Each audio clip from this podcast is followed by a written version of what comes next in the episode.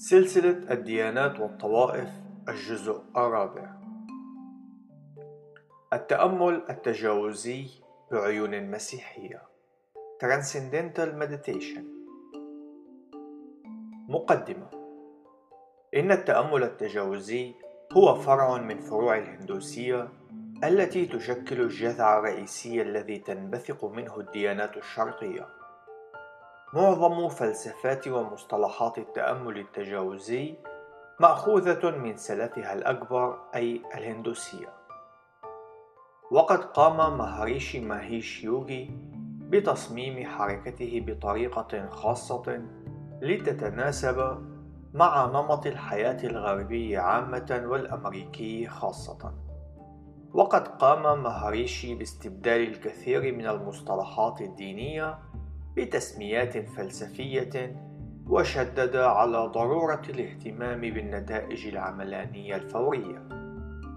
ويعتبر التأمل التجاوزي جزءا من حركة الإمكانات البشرية. Human Potential Movement. اليوغي هو الهندوسي المتدين والمواظب على ممارسة اليوغا. عنوان التاريخ. ولد مهاريشي ماهيش يوغي في جبل بور في شمال الهند في العام 1911 وقد حمل اسم ماهيش براسادا وارما. تحصل على شهادة في الفيزياء من جامعة الله أباد في العام 1942 بعد تخرجه بفترة قصيرة التقى مع الجورو أي المعلم ديف الذي أصبح أفاتارا وفقا لتعاليم السوامي كريشاناند ساراوسواتي. تعلق مهاريشي بالجورو ديف وسرعان ما أصبح واحدا من أهم تلامذته. وحين توفي المعلم ديف في العام 1953 اعتزل مهاريشي في أحد الكهوف في جبال الهيمالايا لفترة امتدت إلى عامين حيث تأمل في التعاليم التي نقلها له معلمه راحل. وأصبحت هذه التعاليم هي القاعدة التي تأسست عليها فلسفة التأمل التجاوزي. المعلم ديف. يعرف أيضا تحت مسمى السوامي براهماناندا ساراسواتي أو جاجاد جورو باغوفان شانكاراشاريا كان معلم الجورو مهاريشي ماهيش الذي أسس حركة التأمل التجاوزي يوجد اعتقاد بأن المعلم ديف بعد وفاته قام بنقل معرفته إلى مهاريشي وهذه المعرفة أصبحت القاعدة الأساسية للتأمل التجاوزي. الأفاتار وهو تجسد لأحد الآلهة، وهو أيضا الشخص الذي لا يخضع أبدا لدورة إعادة الولادة. نقل مهاريشي فلسفته إلى الولايات المتحدة في العام 1958 حيث ابتدأ يعلم في لوس أنجلوس. وقد حققت الحركة تقدما جيدا خلال العقد الأول من تأسيسها حيث عملت تحت مسمى حركة التجديد الروحي في أواخر الستينيات من القرن العشرين. تمزق نسيج المجتمع الأمريكي خلال هذا العقد المضطرب وتمارد جيل الشباب ضد كل أشكال السلطة المؤسساتية والبنية التنظيمية. وقد شكلت تلك الحالة ظرفا مناسبا لتدخل مهاريشي من خلال فلسفته التي تحمل رسالة سلام ومحبة وصفاء دون أن يكون لها أي مظهر من مظاهر المؤسسات التي تمارد ضدها الشبان. كان نمو أتباع مهاريشي سريعا إلى درجة أن أعضاء فريق البيتلز قد تبعوه لفترة من الزمن إلى أن وصلوا إلى قناعة تفيد بأن هذا المعلم كان محتالا. وقد أطلق عليه جون لينون لقب زير نساء فاسق. وقد كانت نتيجة فقدان البيتلز لإيمانهم بمهاريشي بأن العديد من أتباعه قد هجروه في أوائل السبعينيات. عاد مهاريشي إلى الهند معترفا بالهزيمة يجر وراءه أذيال الخيبة إلا أنه قرر أن يقوم بإجراء محاولة ثانية فقام بتغيير استراتيجيته وأزال من مفردات الحركة جميع المصطلحات الدينية واستبدلها بمصطلحات من علم النفس. واعتمد اسما جديدا لتعاليمه وهو علم الذكاء الإبداعي. علم الذكاء الإبداعي. Science of Creative Intelligence. هو الاسم الذي أطلقه مهاريشي ماهيش يوغي على حركة التأمل التجاوزي في محاولة منه لتغيير الصورة السلبية التي ارتسمت عنها في الغرب عموما وفي الولايات المتحدة خصوصا. انطوت هذه التسمية الجديدة على تغيير للمصطلحات الدينية واستبدالها بتسميات ومصطلحات مستوحاة من علم النفس. أثبتت هذه الاستراتيجية نجاحها وذلك من خلال تزايد أعداد المنتسبين إلى الحركة وخاصة من خلال عدد المسجلين في الدورات والندوات التدريبية. لقد أثبت هذا التغيير في الاستراتيجية نجاحه بشكل فوري، وقد اشترك عدد كبير من الأشخاص في جلسات التأمل التجاوزي، ويقال أن مهاريشي كان يجني ما يزيد عن 20 مليون دولار سنويا خلال فترة منتصف السبعينيات نتيجة لانضمام ما يزيد عن ألف شخص إلى الحركة. وخاصة نتيجة للخصم الذي كان يتم تقديمه لطلاب الجامعات مما زاد من إقبال هذه الفئة. أعلن مهاريشي أن العام 1975 هو عام بدء الاستنارة، فالهدف كان هو نشر ممارسة التأمل التجاوزي حيث سرى اعتقاد بأنه لو مارس ما نسبته واحد بالمئة من سكان كل مدينة من مدن العالم التأمل التجاوزية فإن مشاكل العالم الرئيسية مثل الجوع والجريمة والمخدرات ستبدأ بالتراجع والزوال. واجه مهاريشي المشكلات من جديد في العام 1977 ذلك لأن المحكمة الفيدرالية في نيوجيرسي أصدرت حكما يفيد بأن التأمل التجاوزي أو علم الذكاء الإبداعي هي ديانة وبالتالي فقد تم حظر تعليمها في المدارس العامة. وفي الوقت عينه رفعت عدة ولايات أخرى دعاوى قضائية ومن جديد وجدت حركة التأمل التجاوزي نفسها مصنفة على أساس أنها ديانة وذلك على الرغم من الادعاءات المتكررة من قبل قادتها بخلاف ذلك. اجتمع آلاف الممارسين للتأمل التجاوزي في العام 1984 في جامعة مهاريشي العالمية في مدينة فيرفيلد التابعة لولاية آيوا الأمريكية لعقد مؤتمر بعنوان تذوق النعيم Taste of Utopia. وكان الهدف هو القيام بجهد تأملي في سبيل حل بعض المشاكل العالمية الرئيسية من خلال ممارسة تحمل اسم الإيجابية. وقد اجتمع ما يقرب من سبعة آلاف من السيدهات لحضور المؤتمر حيث جلسوا بشكل ورقة اللوتس ممارسين التأمل العميق والقفز. وقد أطلق مهاريشي خطته الرئيسية لخلق الجنة على الأرض في العام 1988 وكان طموحه هو إحلال السلام العالمي من خلال اقتراح إعادة تشكيل للعالم بأسره.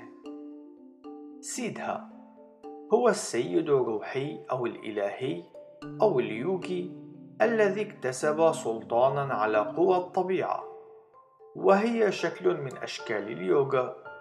هذه الكلمة غير معربة ولذلك وجبت الإشارة إلى أنها بصيغة المفرد والجمع منها سيدهات باللاتينية سيدهاس. ظهرت نتيجة الهجمات المتكررة من وسائل الإعلام بالإضافة إلى الشك المتنامي من طرف المجتمع العلمي حيال فلسفات الحركة من خلال التغييرات المستمرة التي كان مهاريشي يقوم بإجرائها في محاولة منه لحماية حركته هذه إلا أن نهاية السبعينيات قد شهدت على تراجع كبير في شعبية التأمل التجاوزي وخاصة في الولايات المتحدة الأمريكية. إلا أن ماهاريشي تابع مهمته ورؤيته التفاؤلية في أن السلام والوئام سوف يسودان الأرض في يوم من الأيام. عنوان المنظمة.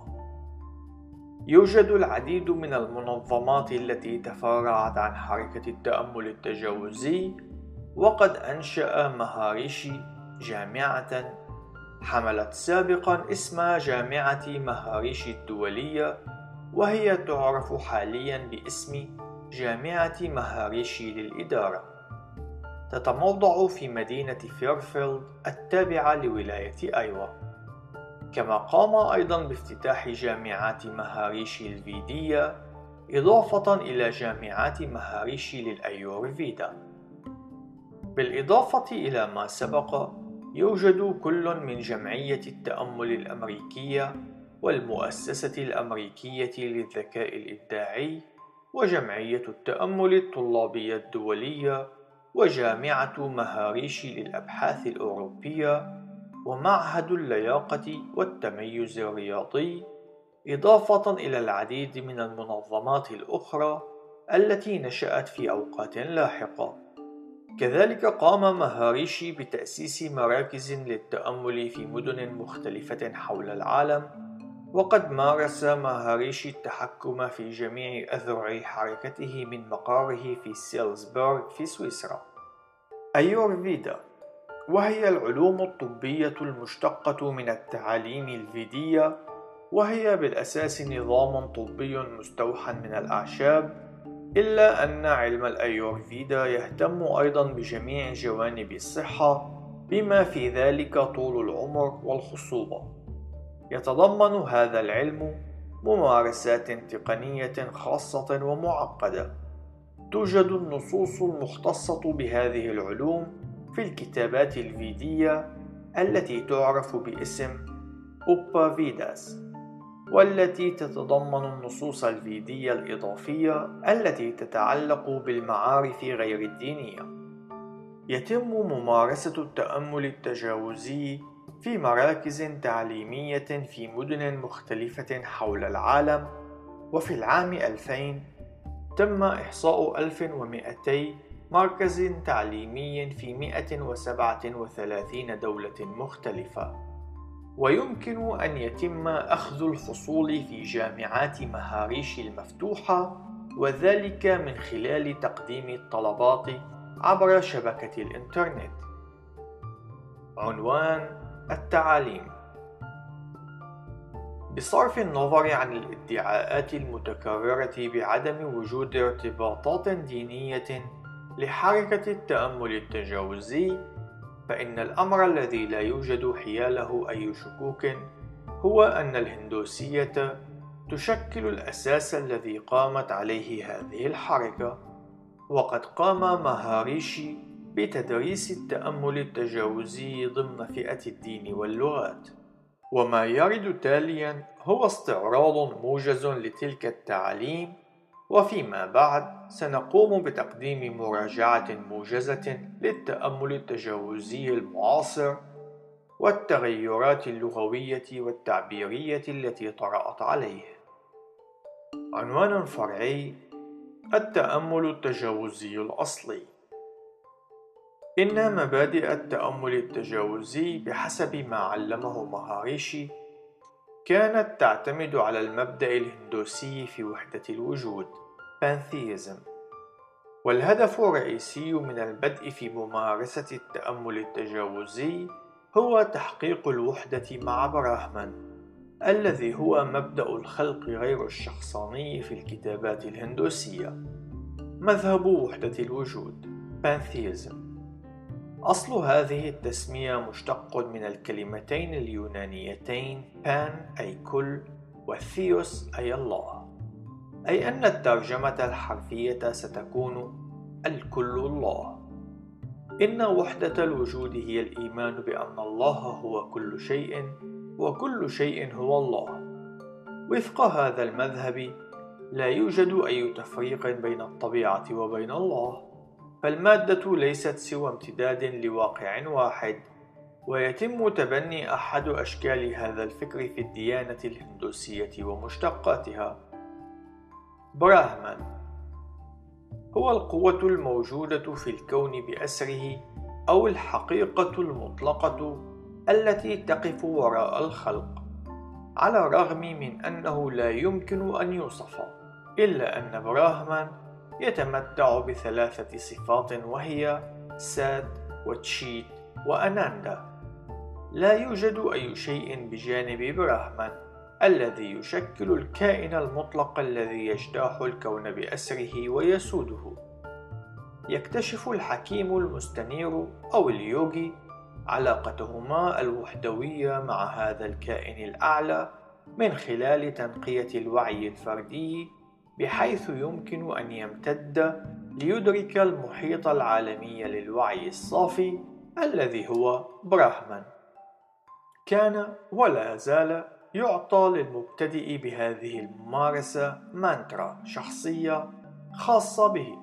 يكررها الممارس مرارا وتكرارا أثناء التأمل. وللوصول إلى الهدف في الوحدة يسعى الفرد إلى تجاوز ما يدعوه مهاريشي مراحل الوعي الثلاثة الأولى.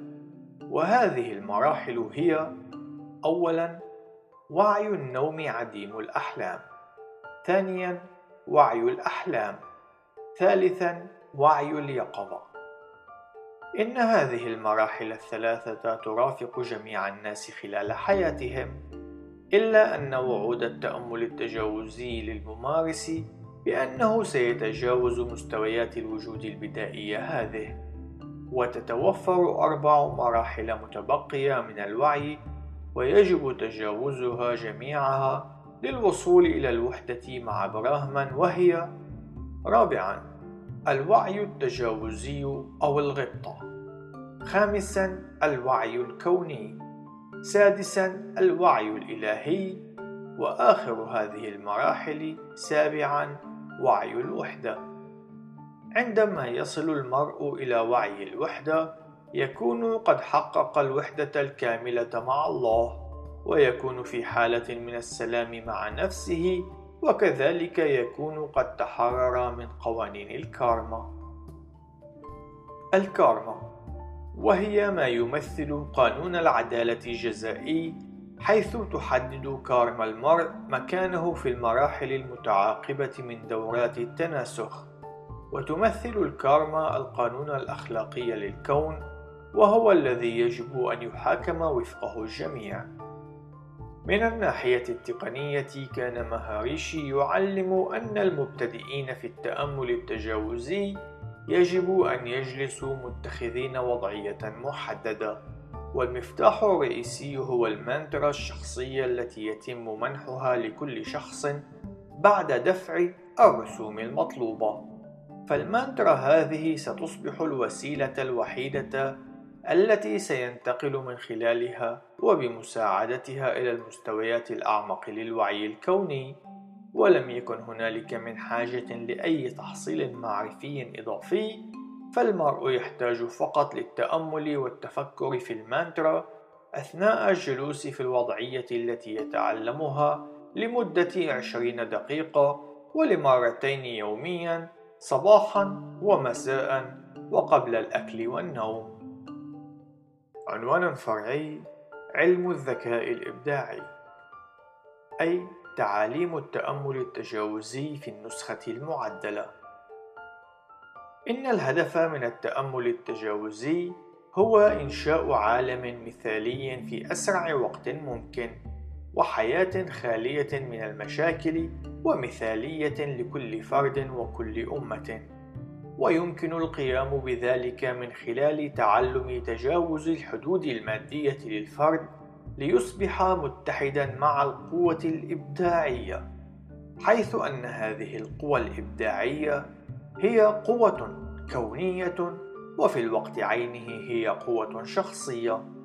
يمكن أن يؤدي تعلم تقنيات التأمل المناسبة إلى تقليل التوتر وخفض ضغط الدم وانخفاض معدل الميل إلى حياة الجريمة من قبل المجرمين المدانين الذين تتم إعادتهم إلى الحياة العامة. ويتم وسم تقنيات التأمل بأنها طبيعية وسهلة. إن تقنيات تعلم التأمل تتم من خلال تتبع عدة خطوات توصف بأنها سهلة إلى حد كبير حيث يتم تقديم محاضرتين مجانيتين كخطوة أولى للمشاركة في العملية. ومن ثم يتلقى بعدهما الشخص المستهدف مانترا. كما كان يتم في الشكل الأسبق من التأمل التجاوزي بعد هذه المرحلة يكون الشخص حرا في ممارسة التقنيات وليس عليه أي نوع من الالتزام لكي يعود إلى المنظمة بغية الحصول على المزيد من التعليمات إلا في حال رغب بذلك. نجد في بعض المصادر نماذج عن الخطوات والوقت المطلوب لكل خطوة من هذه الخطوات والموضوع المدروس فيها. وسنقوم بوضع نموذج عنها في هذا المقام لكي يتمكن القارئ من رؤية التغيرات الواضحة في التسميات المستخدمة في النسخة المعدلة من التأمل التجاوزي. مانترا هي كلمة أو جملة تعطى باللغة السنسكريتية إلى معتنق التأمل التجاوزي خلال طقس احتفالي. ويقوم المتأمل بالتأمل في هذا الشعار مرتين على الأقل في كل يوم على الرغم من عدم معرفته بالمعنى الحقيقي لهذه التعويذة وتقوم المانترا بدور الوسيلة التي يمر من خلالها المتأمل إلى مستويات مختلفة من الوعي ليصل إلى حالة الغبطة المطلقة. في الجمعية العالمية لوعي كريشنا يردد المعتنقون مانترا معينة باسم كريشنا يتم استخدام مصطلح المانترا عادة للإشارة إلى الترانيم أو الصلوات الدينية المكررة. أولاً محاضرة تعريفية من خلالها يتم التعرف على الاحتمالات الممكنة من خلال برامج التأمل التجاوزي مدتها ساعة وثلاثون دقيقة. ثانياً محاضرة تمهيدية. يتم من خلالها التعرف على آليات ومصدر تقنيات التأمل التجاوزي. مدتها ساعة وثلاثون دقيقة. ثالثا مقابلة شخصية. يتم من خلالها إجراء مقابلة مع مدرب متخصص ببرنامج التأمل التجاوزي. مدتها عشرة دقائق. رابعا تعليمات شخصية يتم من خلالها تعلم تقنيات التأمل التجاوزي مدتها ساعتين. خامسا التأكيد والتحقق من الخبرات. يتم من خلالها التحقق من صحة الممارسة وتقديم المزيد من التعليمات الإضافية مدتها ساعتين. سادسا التأكيد والتحقق من الخبرات يتم من خلالها فهم آليات تقنية التأمل التجاوزي من التجارب الشخصية مدتها ساعتين. سابعا التأكيد والتحقق من الخبرات يتم من خلالها فهم آليات تطوير حالات أعلى من الوعي مدتها ساعتين. إن التناقض والتباين بين المسيحية والتأمل التجاوزي هو واضح إلى درجة كبيرة والعديد من هذه الاختلافات تتشابه مع التناقضات بين المسيحية والهندوسية وهذا هو الأمر المتوقع. لذلك سوف نقوم تاليا بتقديم ردود المسيحية على التعاليم الأصلية للتأمل التجاوزي ومن ثم سنضيف رد على التعديلات اللاحقة التي طرأت على تلك التعاليم. عنوان فرعي الله. إن حركة التأمل التجاوزي تعتنق وبشكل رئيسي مذهب وحدة الوجود الذي يتم اعتناقه في الهندوسية كما تتبنى أيضا الثالوث الهندوسي الذي يتجلى من خلاله الله على أنه براهمان وفيشنو وشيفا. بينما تتبنى المسيحية مفهوم أن الله هو حاضر في كل الخليقة ولكنه في الوقت عينه أسمى منها. وتعترف المسيحية بأن الله قد ظهر من خلال ثلاثة أقانيم أي الآب والابن والروح القدس. وكل من مفهومي الحضور والسمو مشمولان في كل أقنوم من الأقانيم الثلاثة. وفقا لتعبير قانون إيمان الرسل فإن الله آب وهو في الوقت عينه قادر على كل شيء وخالق السماء والأرض. لذلك فإنه يوجد تمايز واضح بين الخالق والخليقة والأقنوم الثاني من الثالوث المقدس هو يسوع المسيح. الذي تجسد متخذا طبيعة بشرية كاملة ومع ذلك ارتفع إلى السماوات أي السمو. وروح القدس هو الأقنوم الثالث الذي يحل على الكنيسة أي الحضور ومع ذلك فهو منبثق من الآب وهو الذي يقدس ويعزي ويعلم.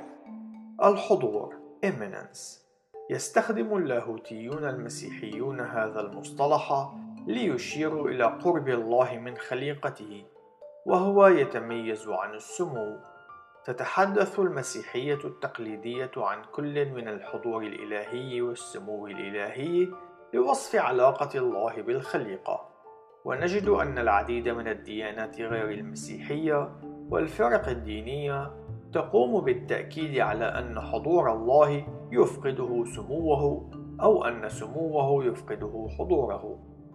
السمو Transcendence تعليم وعقيدة مسيحية تقليدية تقول بأن الله متميز ومختلف عن خليقته. إن هذا الانفصال ليس واضحا في الديانات الوحدوية أي pantheistic. عنوان فرعي الخلاص إن الخلاص في تعليم حركة التأمل التجاوزي هو هروب من دورة إعادة الولادة فالمرء يحصل على الخلاص حين يتحرر من قانون الكارما أي أنه يصل إلى الوحدة مع الذكاء الإبداعي. يتم الوصول إلى هذا الأمر من خلال التأمل وترديد المانترا الشخصية. وفقا للتعليم المسيحي فإن الخلاص يبنى على العمل الشخصي الذي أتمه يسوع المسيح الذي صلب ومات ودفن وقام في اليوم الثالث من بين الأموات. وبالتالي فإن المرء يتحرر من براثن الخطيئة والتمرد على الله بناء على هذا العمل الذي أتمه المخلص والفادي الوحيد يسوع المسيح بالنسبة لحركة التأمل التجاوزي فإن الخطيئة ليست هي المشكلة التي يعاني منها الجنس البشري بقدر ما هي الجهل الذي يجب أن يتم توفير المعرفة اللازمة للقضاء عليه. تأتي هذه المعرفة الخلاصية من خلال التأمل ومتابعة تعاليم مهاريشي والترديد الحار للمانترا الشخصية والمرور بالمراحل السبع للوعي. عنوان فرعي السلطان يقوم أتباع التأمل التجاوزي بالتقيد بتعاليم مهاريشي كما يقومون بقراءة النصوص المقدسة الفيدية فيداس والباغافات جيتا كما أن مهاريشي قد قام بتأليف عدد من الكتب والمناشير الخاصة.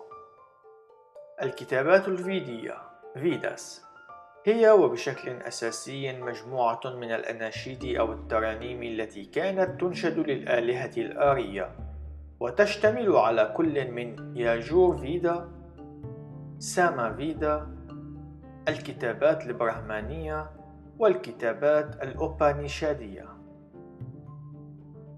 باغافات كيتا وهي الأنشودة الإلهية للرب وتحتوي على أهم الزخارف والجواهر المهمة للفكر الهندوسي وتكافئ الباغافات جيتا في مكانتها بالنسبة للهندوس مكانة الكتاب المقدس بالنسبة للمسيحيين مع وجود تحفظات وفروقات مهمة. فيما يتعلق بالتعديلات والتحديثات التي تمت في الفترة الأخيرة فقد أصر مهاريشي على أن تعاليمه تستند إلى مبادئ علمية وبالتالي فإنها ليست ذات طبيعة دينية إلا أنه من الصعب أن يتم التحقق من هذا الأمر وذلك لأن المجتمع العلمي قد تحدى الطبيعة العلمية لإدعاءات مهاريشي.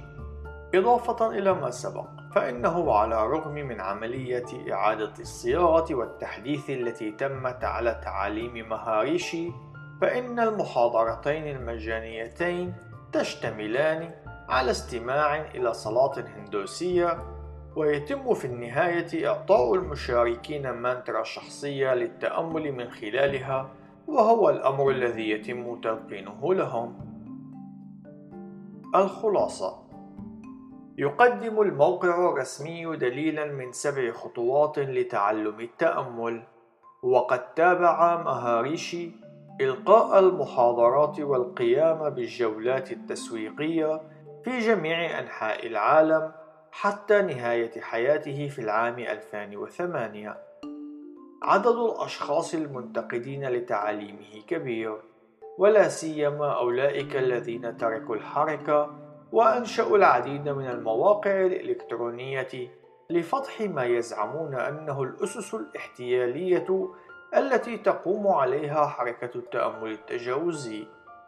إن هذه الحركة قد استخدمت الكثير من المصطلحات العلمية في محاولة للتسويق على أسس غير دينية، ويستمر القادة المعاصرين في الإصرار على أن حركة التأمل التجاوزي هي حركة غير دينية وبأنها تستند إلى مصادر علمية مصدق عليها من خلال الدراسات العلمية إلا أن الأمر الواضح من خلال المقارنة البسيطة هو أن هذه الحركة مبنية على أسس هندوسية صرفة. النهاية. إلى اللقاء في الجزء القادم. ولنعطي المجد لله دائما.